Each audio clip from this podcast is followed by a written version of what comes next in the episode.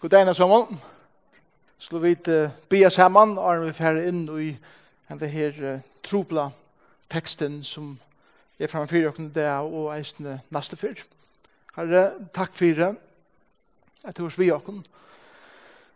Vi ønsker uh, først at uh, letja okkara nutja landstyr og løkting framfor det, og de som er valgt inn at leie okkara landet at du vil sikna kvann kan herra, og at du vil hjelpe okkon, at avhaldande ledja teg framfyr her, og at du vil gjøre dem visdom, at leia okkara land. Og vi bia eisne fyrir hesa sjankumne, at du vil sikna okkon, og at du vil hjelpe okkon a sama hot a er et ljós, sett fyrir teg i hesen landet. Og vi bia fyrir tusen som fram i morgon, Det er som tro på teksteren, i det som Paulus skriver i, og i bi her med til å gjøre mer visdom, myndelæga og kraft og nøye til at utlægge tøyte år, og at gjøre det vikommende for åkken og det som vi kunne gagnøyta til til dørt, Herre Jesus. Prysa og ære ved tøyt navn, og i Jesus er navn. Amen. Jeg vil takke til som har bifirmer i meg vikene. Det er en uh, trobel tekster som vi tar fremme for dere. Neste sundag vil det ikke hette evne, men annan sundag vil det samme skriftbrot som vi kommer til å ta oss om. Og det er at kvinnan skal ikke lære, neste for at kvinnan skal ikke leie, men begge er i samme tekstbrotet, og derfor er det særlig ikke at det fyrre.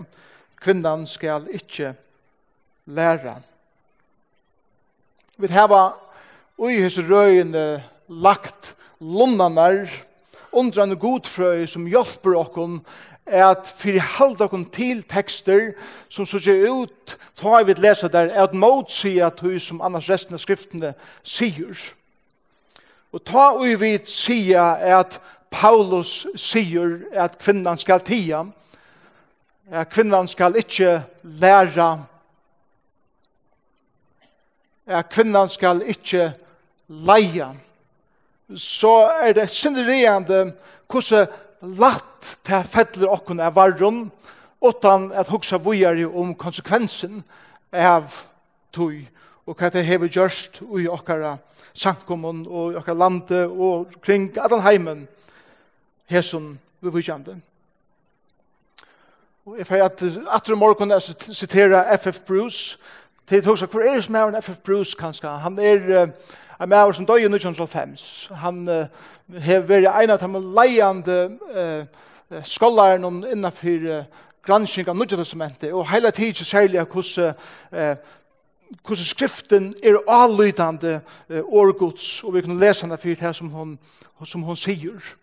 Eh, det som er avhørt for FF Bruce er at han er fra brøren i, i England. Han er høgt, eller han er høgt respekterer Han er professor av universiteten i Sheffield, og her underviste han eh, grikst og nødgjødesmentet, og han er en specialister særlig i Paulus og i brøv om Paulus her. Eh, Eh, brødrene høttes hørt love-hate relationship, eller samband vi F. Bruce til at de elsker mannen og hans her innlid inn i skriften der. Men så er det noen områder som, som de ikke ordet klara å forholde seg til. Et av dem var eh, til dømes læreren vidkjente kvinne, et annet var læreren vidkjente enda tøyene, og noen andre ting eisene som, som eh, folk hadde synd ringt vi at holde seg til. Så, så F.F. Bruce har hjulpet mer i nekv. Ikke bare akkurat i hesun, men hele tiden hvordan man kommer til skriftene uh, ved en sunnen teologisk hukkbore som korsene er grunnt av å at tåre at takla teksten for det som han sier. F.F. Bruce sier så leis, Ta han var spurtur, henne spurningen, Um, hvor ser det ut til at Paulus taler så nekv imot kvinnen og i sunne brøven. Og han sverar så leis. Paulus bardest fyrir at vysa at evangeliet hefur sett menneske og i fralse. Og ein meirregla som er områdande jeg skilja vi ödlo som Paulus skrivar er at alt ui Paulus er brøven som ser ut til at motsia hesum, altså til at folk er sett i fralse, skal lesas seg ljósen av høvesbåskap i hans herra, som er at de enderfødde er og er og sett i fralse, og tog skulle sluk vers eller sluk skriftbrot og iva tøyast i hesum, eller utlæsast i hesum, at de er skriva i inn og avvisar truplar omstøver som våre akkurat lokaler av tøysteinen som Paulus skriver i til. Og at det var medelig områdende medregler er fylkja at vi kommer til trobla tekster som beinleis så ikke ut til at motsige øren eh, støven i skriften. Og nå stand jeg er fremme for eh, faktisk tøy torføraste teksten og i nødvendig som heter heila tidsi er at utleggja fleste bibelærere er samter om det. Lukka mykje om du leser det av førskun eller av griskun så, så, så gjør det unga meining da vi lesa henne teksten. Så skal vi lesa den.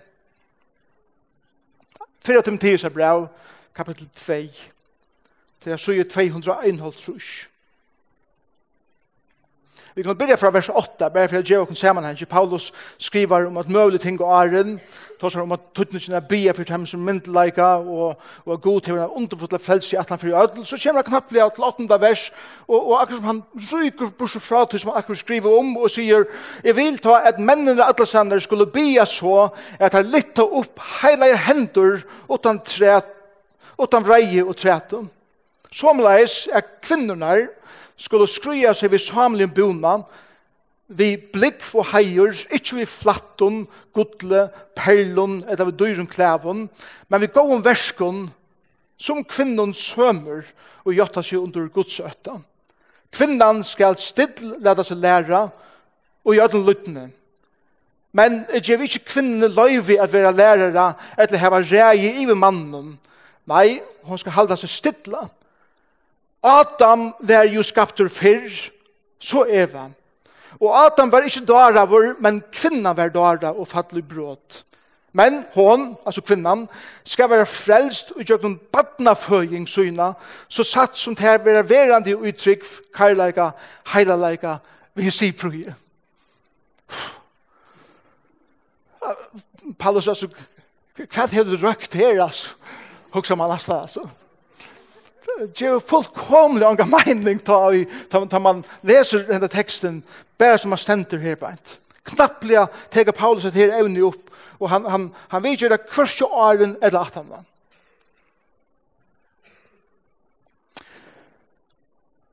Vi skal øyne meningslest og medelig trobel til det utledge og skilje utan så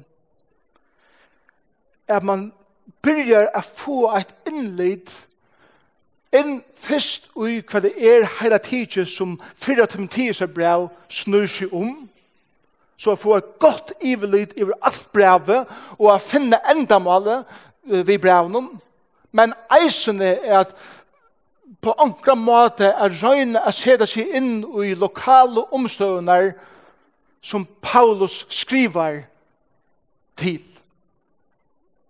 Timotheus er pastor i samkomne i Efesus. Det vet vi fra fyra breven. Og tog har vi bruk for at se dere inn i omsorgene som det var, og i Efesus ta. Kan det være nære her som gjør til at Paulus vidger akkurat hendet teksten og tingene som det så ut i versene? Men først innskje at, at djeva dere, jeg og til vi bruker tvær sunder på hese versene, at djeva dere et ivelit helt kjøtt ivelit iver fyrra Timotheus har brev. Det pjøs ikke bli alt jøkken fyr sammen vimmer. Um, tog jeg vi har ikke tog til å fære jøkken til tingene, men jeg skal, jeg skal bare fære kjøtt til jøkken det. Til en høves tro på leitje i Efesus som er ein av grunden for at dette brev i hele tiden er skriva. Og da leser vi det tredje verset i første kapitlet. Her sier Paulus hos, «Jeg bier her, nå som tar i for til Makedonia, at være verand i Efesus». Og så er det etter, Fire, at du skal avlegge summen, ikke er genga vi fremmandare lærum, og ikkje at lusta etter eventyren og endaleisen attartøllen som meire elva treator enn fremme hushalde gods og i trunne. Og så er det eh, nysenda vers. La deg bare lese årsenda vers. Hette bå lydet her oppi hendur, bat mot Timotheus, etter profetåren framan undan i tale om te, fyrir at to etter taimun skal skal strui goa strui, hevande trygg og goa samvisko, og så er det som nøkur heva kasta fra seg og li skipbrot, trunne vi bujkjande. Så nevner han nøkur som, som, som er fotlen fra. Hatta ser ut til å være høves trobeleggjen i Efesus, og møvelig høves endamålet for at Paulus vil skriva for at Timotheus er brev, og til dette at det er nøkker som er kommet inn i samkomna som gänga vi fremmede lærer. Vi eventyren som vi gjørs til at flere folk er i fotlen fra og han vil nødt til å takle til omstøvende. Så fer han vågjere, og han fer inn i et møvelig evner, og det er akkurat som at han sier, vittlæren og frafadle er i hese tingene som er nå for jeg nevner i som braun. La meg gjøre det kan liste av tog. Og i øre kapittel, den første tjej versen ser det ut til at Paulus tåsar imot og viljan er bia for heimen som er sett høgt i landet Og er at på enkla måte er enkla vittlere kommet inn som ser ut til å si at de er ikke en pastor av frels og atlan gods. Og Paulus sier at herrens innskje er jo at alt skulle være frelst, og tog eier vi det eisne at vira og bia for heima som høgt er sett og i myndelaga og i landen.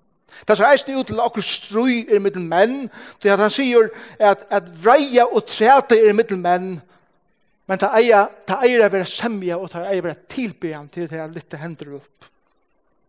Og i vers 9-15, til teksten tjokken det, er det kvinner som vi provokerande livsstyle er å komme inn i samkommene at læra vidlære. Tredje kapittel, alle som man er, snur seg om livsstyle til teimen som er i lærsel, som leia samkommene der. Fjore kapittel, fyrst og tre versene, her sier Paulus at troplar tøye for å komme vi lilæren som til dømes lærer at tar forbjóa tjunarband og tar forbjóa livsnjótan som gaver for god til å røyne å se det eh, mørsk og, og, og avmarsingar av menneskjum. Og i vers 6 i fjore kapitlet kallar Paulus det for vannheile kjettlinge eventyr. Det er kraftige eh, utsøkner. Så, så regner han at oppmåte Timotheus, at ikke med samåte. Han er, han er i hoa med samåte, stakkals Timotheus. Og i 5. kapitlet, vers 1-2, er det manglande viring for leieren i samkommene. Fra vers 3 til 2 er gjerne det er mer regler beileis for antjør. Fra vers 11 til 16, kapittel 5, er trobeleis for noen ungen antjøn som vilja vittleie og liv og gjernt fra kapitel 5, vers 16 til 22, kommer det vi og grunn av en akæron i motor lærslene i samkomne, og han taler i motor tog. Og i kapitel 6 tar han om trobeleikene i middelen træler og herrer. Og i vers 3 til 5 i kapitel 6 avvarer han atre mot timen som han kan vittlære, fra vers 9 til 12, avvaran er at det er flere folk som søtja etter rydgjødømme og tro etter det på en åsuna måte i samkommende. Fra vers 1 til 9, oppånd Timotheus, ena for en, ikkje fattla, halt av vi gå gode tænastene, vær avhaldande og ikkje missa måte. Og så endar han brevet i vers 20 og 21, at djeva navn til etter, og til er kunnskapurinne som kjer okkur beinat hint til at struju i Efesus hei vi til som vi kallar for gnostisismen er gjerra. Gnostisismen er et øylig innvikla eh, um, element som hei snukt seg inn i samkomnar som ikke har tog affæren inn og, men det snur seg om etter gnosis eller gnosko. Det er at heva vitan at vitan neka det var noen folk som kom inn i samkomnar og søtt og vi da finnes noen oppenberingar fra gode som ikke er i skriften noen. Han er givet okkom vujar i oppenberingar og om de kommer fylgja okkar lei så kommer til langer enn de som bare halda seg til brøven som er skriver her kom vi okkon, så opp det er meir hva det er som god vil, og øyelig ofta hei til samband vi eh, at, at bliva involvera i eh, kinslet, siløyse og augelurskan og nekva andre ting som var blanda og flatta inn i en kristendom. Og samkomnar eh, struttust vi tog. Ei under ui at Timotheus hei mea sær. Det var Paulus sier beinleis vi Timotheus, Tim, du skal ikke bare trekke sindra vatten, fader sindra av vun fyrir mean. Det sier han nu her, det er akkurat som, åh, han er så stressa over ødelsen her, som han strøyest via Paulus sier, du, du blir sjuker av, sånn. Og ikke bare ble han sjuker fysisk, men eisne, Paulus tar seg eisne i måte motløses andan som har kommet i Timotheus, han er bare hoa blek alt fra seg feika av nudjun nudgen, nøye gavana som du heier fra byrjan av. Sjalt om du erst ui ødlesen her trovleikene som du erst ui. Så, let meg du fokusere inn av teksten som er framme fyra okkom. og, og jeg får ikke videre at her eh, i hesar røyene, hette er flattun og perlun og öllum tui, det er ikke enn det her som er fokus som er her bænt. Fokus som er her hette er kvinnan skal ikke læra mannen. Hon skal still læta seg læra til akkur som fokus som er i det. Det som er avhverst i teksten er at han sier at kvinner nær flere tal i vers 20-20, vi vil kjenne flatten og alt det forskjellige i vers 11 fokuserer han ned av eintal, kvinnan, til akkurat som at han tåser om en avvisa kvinne, eller en avvisa bølg av kvinnen i samkommunen i Efesus, som valda ein trobeleika. Så, det er imiske utleggingar sjående, som til vita, er av her teksten. Ein utlegging er hentan, kvinnan skal ikkje lære menn, kvinnan skal ikkje leia menn.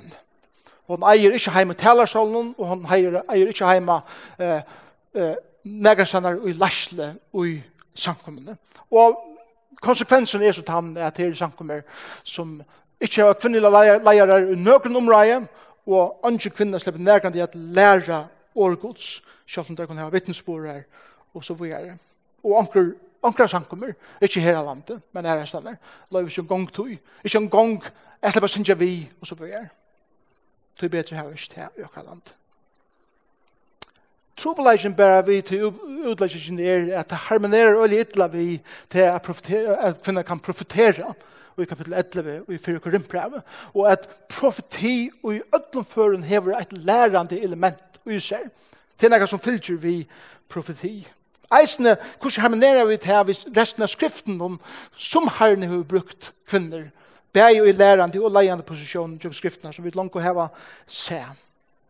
Så spør du kvøy tar sige at kvinnan ikkje skal læra, så i Sverige heter at i teksten her beint stendur ta beinleis at det var Adam som var skapt først, det var kvinna som var dåra, og hon fall i bråd. Så kvinner skulle ikke læra, tog at kvinner er lattare avvirkeligar til at fettla for fresting. og tog til kvinner ikke læra. Særlig ikke læra menn. Men det er ok at jeg blir involveret i imisk arbeid bevisende bare kvinnen og eisen til dømes til at læra bøten. Så er mye spørninger. Om kvinnan ikke skal læra menn, tog at hon er lettere avvirkelig av fattelig fresting av maveren, er det så i ørdan at hon lærer ære kvinner og særlige bøden som er så lagt avvirkelig? Hvis hon er fedle lattere fresting og kan fære ut etter møvlige vittlærer du må ikke lære menn men fære bare endelig inn i sunderskolen og lære bøden her. Alt det som du har hod til å lære der. Det er deg. Ta i det bøtten som særlig skulle være gjøst om kvinnan fettel lattar i fresting enn maveren. Køyre det bare sundagsskolen, finnes det sted. Jeg mener vi at hvis det her er teksten, så heldig vi skal sitte noen menn vi horene her ivre, og sørge for at kvinner ikke slipper inn av avvarske bøttene. vi er som Paulus sier. En annen utlegging er hentan. Kvinner kvinnan kan læra avmarska og leie avmarska, men det skal alltid være under hagre myndelaga av mannen. Men det er ikke det som teksten sier. Årene som Paulus bruker og vidjan til er at læra og at leie er veldig kraftig år. Jeg hadde en av høyest trobleikon vi bavende utleggingen som jeg akkurat har givet dere er til at, hes, at jeg sier hese vers er å evigt galdande til alla sankummer, til alla tøyer, fyrir alla kvinner.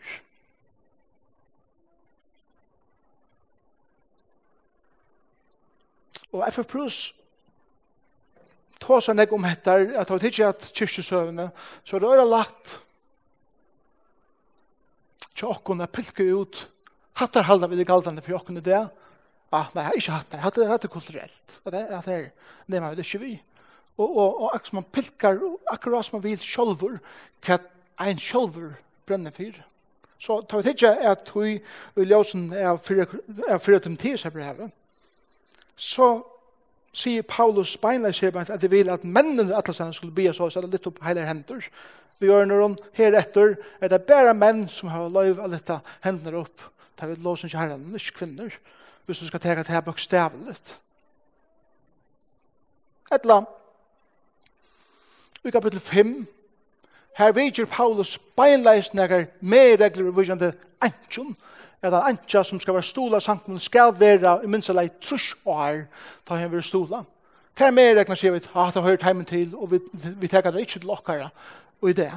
Et av med vi vidjande eh, vindretching at her er sin av viner for mian, eller hva vi trældom i kapitel 6, vers 8.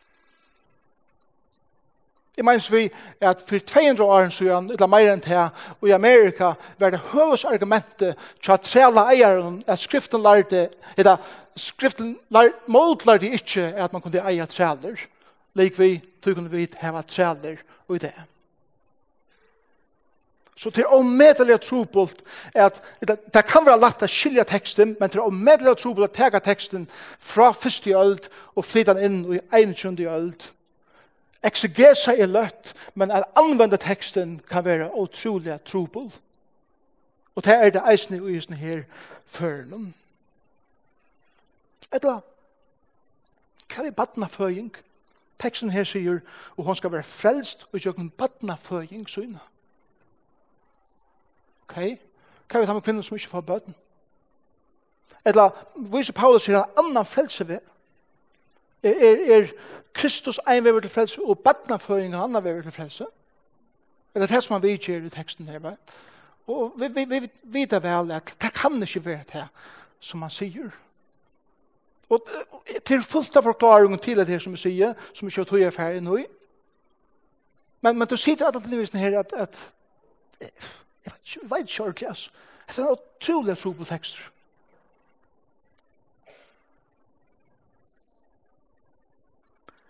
Det som jeg har mest fri vi, dette er at mot en tredje utlegging, at Paulus løyver ikke en avvisere kvinne at lære vidlær.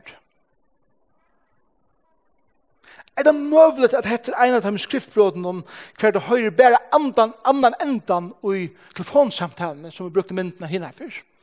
At det høyre kan være sagt, men det høyre ikke boar personer tåsa sine midtelen, så du vet bare noe lunda hva det er som vi tåsa om. Og ta vi tidsje at hui og ljósen av hva alt fyrir dem tidsi bra lærer og eisen at du farsa sinna innlitt inn i omstøvnar i Efesus beint ha i fyrir til tid som brev skriva. Kjeve det okkon nokkur innlid nå i en møvleika fyrir som Paulus møvleia sier. Legg meg til at det bruker møvleia, kanska, og ætla sier årene, ætla tøyene. Til tøy at jeg er ikke pura så dogmatisk grusen er, jeg tar seg bare om møvleikar, og det som er har mest fri vi beint nu. Så, La meg gjøre dere et lyd som det var innlid inn i støvene og i, i Efesus. Arkeologer er folk som jeg elsker til at finna så utrolig nek som hjelper dere at utlæse der og gjør dere innliden og i omstøvene her som skriftene var skriva er. Det har givet oss nekv innleid inn i romverska rujtje om vi ser tøyina. Det var tre ting som hendte særlig i her tøyina. Eit var en sexrevolusjon. Det er ikke bare nekv som hendte i trusjen og jokken. Det er eis nekv som hendte åren. En sexrevolusjon for fram i romverska rujtjen. Og hun var særlig i middelen framprovokerande kvinner som yngst er få av meira myndelæka i samfunnet og tar brukt og matan at leda seg etjandi ui og forføra sterskar menn. Augustus keiser, som vi leser om i skriften, innsette nekka lover vi vikjandi om hvordan gifta kvinner skulle uilata seg, og eisne hvordan skøtjer ta skulle uilata seg, fyrir at kontrollera hessne som sjekk fyrir seg, og i romerska rysene ta. Et annet som vi vita eisne, til at Efesus var et senter fyrir avgoda dyrskan, sier det var det Artemis, av greskon, eller Diana godinnan av, av romerskon, at høves tempelet tja Artemis var i Efesus, så var ei kjent av eugodadyskan og særlig kinslium gyndar bruna, liston, Pastor av hessen systemen og i hessen tempelen var at bråda naturliga kinsluive i middelmann og kvinne nyer, at gjøre bostor vi tjunabanden, og eisne er djeva folke pura fria teimar er at njóta sitt sexdrive vi kvarjun til som skal vera. Trobla blei ikke være at han er at sommar blir på vegin, tog blei det oppmuntra ikkje å bli på vegin, og om du blir på vegin, då skal vi etter, vær fostertøka oppmuntra. Eisne, og i sin tempelen. Og det tria som jeg kjente hese tøyene var gnosticismen som vi nevnte i Johanne. En av mytene som var til stier, eisen i tempelen, var ein myta som var skriva parstvis og i en evangelie som heter evangelie etter Evo som, som er en pastor av fullt av brøven som er funnet, som kallas evangelie men det er sånn samme blanding mellom kristendom og, og gnostisismen Det var last. Ja, faktisk er det kvinnegodinnen der som har størst reie, og kvinna var fyrst skapt. Eva var fyrst skapt, så gjerne var Adam skapt. Adam var han som fall i frasting, ikkje Eva. Og tøy er det at kvinnan skal roa i mannen, og truste han nyer for han har myndleik. Han truste han nyer, så skapene verset er vum, vente høtte, bant her bant. Det er det som, som var last i tempelen om tja Artemis og i Efesus. Og høves påskapen i 4. Timotheus brevet er vanten vi vidlære og tøtningren av sunnare lære inn i sankumnar. Og tog halda vid bibellærer er møvelige var slukar kvinner komnar inn i samkommene og i Efesus. Vi vet at ein var i Tyatira, Hon var nevnt i oppenbering kapitel 2, hon var kallet for Jezabel, som lærte beinleis, vittlære og lærte mennesker ut i siløse. Det vet jeg. En kvinna var her. Om det er akkurat hon som eisen har kommet til Efesus, det var bare nok 5 kilometer i midtelen, Det vet jeg ikke. Men det som vi halda er til at hese versene i 4. Timotheus brev kapitel 2 er det skrivet til en avvisa kvinne som møvlig hever en bølk av øren kvinne rundt om seg som er kommet inn i sankumene og læra hetter som de har visser fra tempelen. Det kan være en, en kvinne kommer til trygg men hun har bare ikke last enn hver sannleggen er og hun begynner at, at, at gjøre til hvor er som hun gjør det åren. Om dette er bakgrunden og omstøvner som Paulus skriver til Timotheus og i Ephesus, så kan henda helda myndig djeva okkon en helt æra mening. Tog er det møvelet i sin teksten at Paulus først og fremst vidger troblegan vi en kvinne som brukar sin mat at leta seg ui på at være edgjande og forføre menn. Det kan være. Her er en kvinna som lærer vidlærer. Det er ikke at kvinnan lærer, men kvært henne kvinnan lærer lærer som trobladjen. Det er en avvis lærer som Paulus byr kvinnerne djevast vi å lære. Og han løyver henne ikke lærer seg lærerne. Kvinnan generelt skal ikke tia, men hendan kvinnan skal tia ved at læra vidt lære, og han skal vende vi fra henne og tege motor sunnare lære. Det er det som Paulus sier. Og i vers 11 sier han at kvinnan skal stille at seg læra, vi ørnen, takk tog at læra sannleikan sånn, så du kan svære vågjere og læra det som er sunt og godt. For det tredje, Paulus avtaler hese kvinna om at tida og venda vi fra vidlærerne. At du skal ikke læra mannen slukt, eller nekan i samkommende. Og at roa, sier han, det kommer til neste fyr. Det lukker det ut i det. Paulus för det fjorda pekar av kvör och i vittlära ner vi är vis av kvör han rätta lära ner. Jag ikke til i vers, i vers 13 og 14. Adam var jo skapt först. Så Eva. Och Adam var inte daraver, men kvinna var daraver och fattelig bråd. Han, han teker hans av vittlærerne och sier Hatt det er skreiv lærer. Hatt det er som den verdige skapande sjøvan lærer. Men ikke bare til, han talar eisen beinleis mot lærerne tja Artemis og i tempelen, at det naturlige kinsluive som er tjonaband med mann og kvinne, og at det naturlige fire kvinner og menn, at eia bøtten saman er nekka som vil oppmuntre samkommende, heller enn nekka som vil trust nyer. Paulus talar mot hessen og i hessen her teksten. Nå, tøyen renner som streimer jo ham, som skal til sier. Um, det som er avhåverst er til at i kapittel 5 for Paulus har tås seg beinleis om nægar ungar antjer i vers 11-12 men, men sikst undan ungun antjer til ter og i holdlere troan vilja svitja Kristus vi at vilja giftast.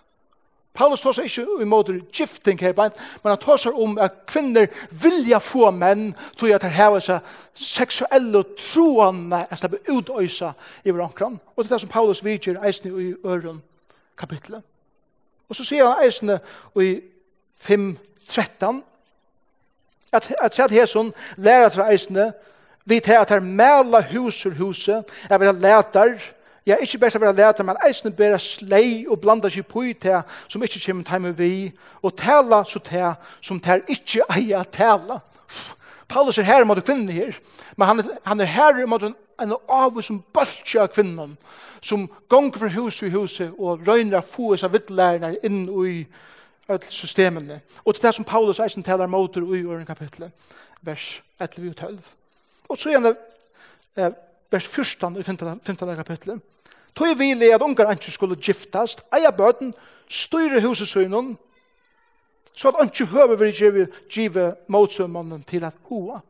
Vi gjør nøron, ikke læra det som tid læra i Artemis tempelen er at ikke giftast, ikke få deg en bøten, stepp deg en avgjert her, så at de kunne njóta sexløy saman, men Paulus sier, det er naturligt at folk færa saman i tjona band, og at bøtten vera født, og man nøyder livet så les saman. Så, hva er det som Røyne sier? La meg tega saman om. For det første, Paulus som veit om omstøvnar til sankumne i Efesus, vidger en avvisan trobelega vi en avvisan kvinno som ser ut til å leie en bølg av øren yngre antjon, så vi, som vi sånne løvstøyle og vi sånne vittlære volda sankumene og evangelien om attergångt. Han avlegger timen at livet i heilanleika og tega vi rattare lære. Det er nummer 1. Nummer 2.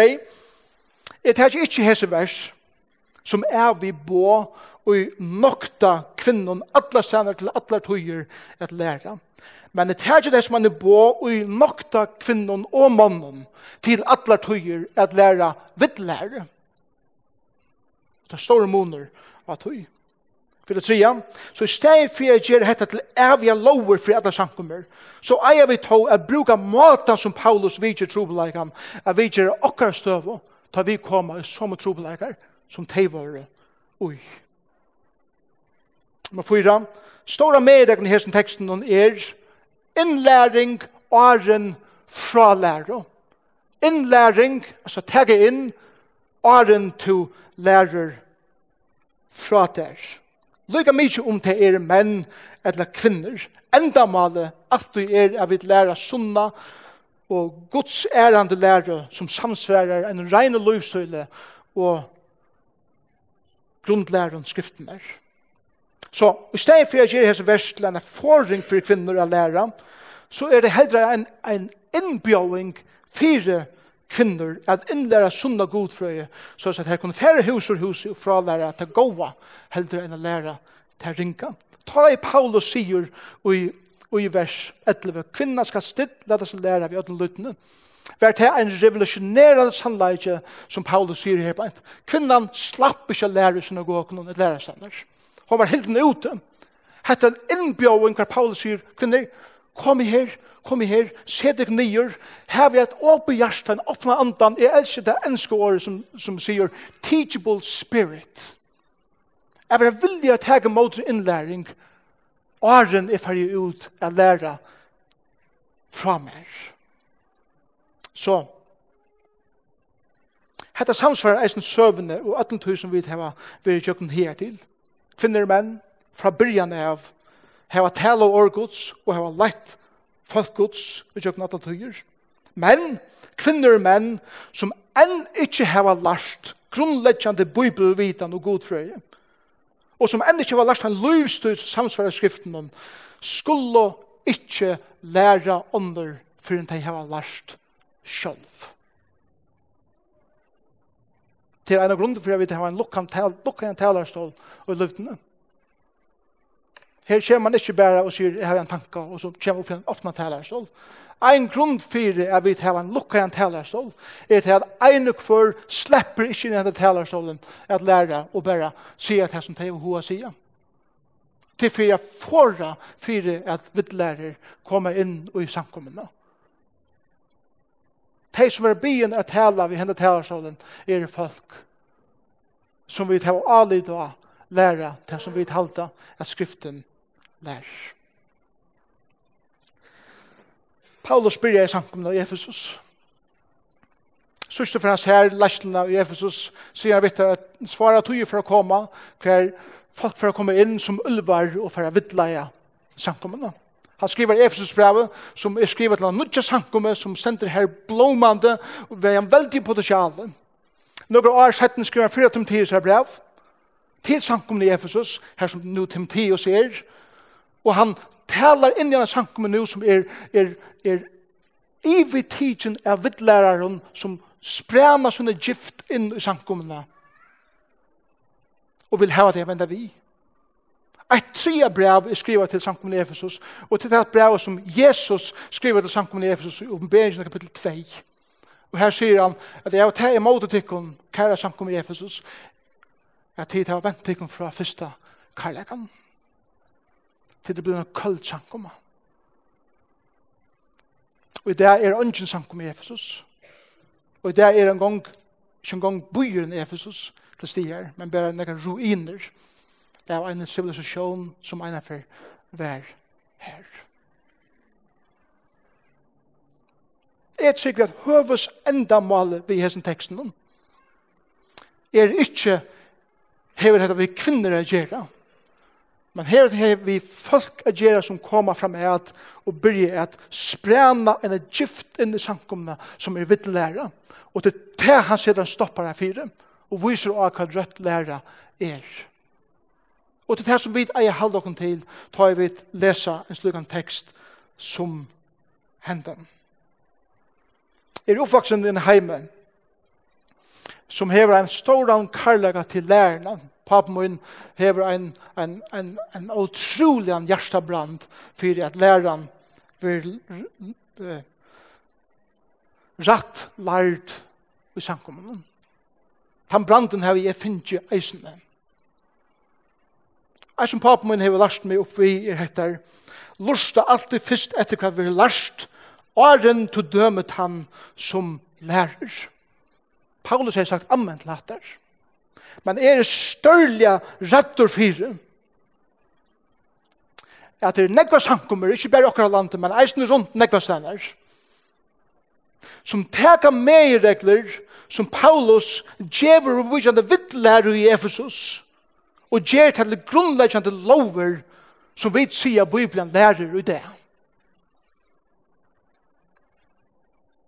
Og, og, og læran om er bare si at kvinnan skal tia, bare at sender i teksten her, utan at verda dukkan i teksten og, og, og, og bergjast vi han Her er møvlig i hundra av oss og Aron, hendra. Begge mannen og kvinnan. Jeg slipper at ut løysa sine gaver og sin kattel og i herrens verskjøn. Her som det gjør. Og høves endamålet er å komme alltid til det som FFBU sier. Høves endamålet Paulus her er å sette folk i fralse. Og ta og vi bruker teksten til en frelsesboare. Jeg binder folk vi atter. Så må vi spyr oss selv. Hva er det som vi gjør? Og hva er det avleggen kan være tog som vi gjør? Hva Som FF Bruce sier, Paulus hei vent seg i grøvene, og man fikk vite, jeg vet hva just brøv hans her til lov var tselt om. Måtte vi ansette tog. Og etter munnen kattelen, og i hese sjankumne, og i hese landen, så langt som er stand i brunnet, er det være vi til å få henne frelsesbådskapen ut som Paulus taler, og at tåre å takla tekster som så ser ut til å motse henne frelsesbådskapen som Paulus boa fra seg. Vær til vi gongt, eller vær til vi mågongt. Amen.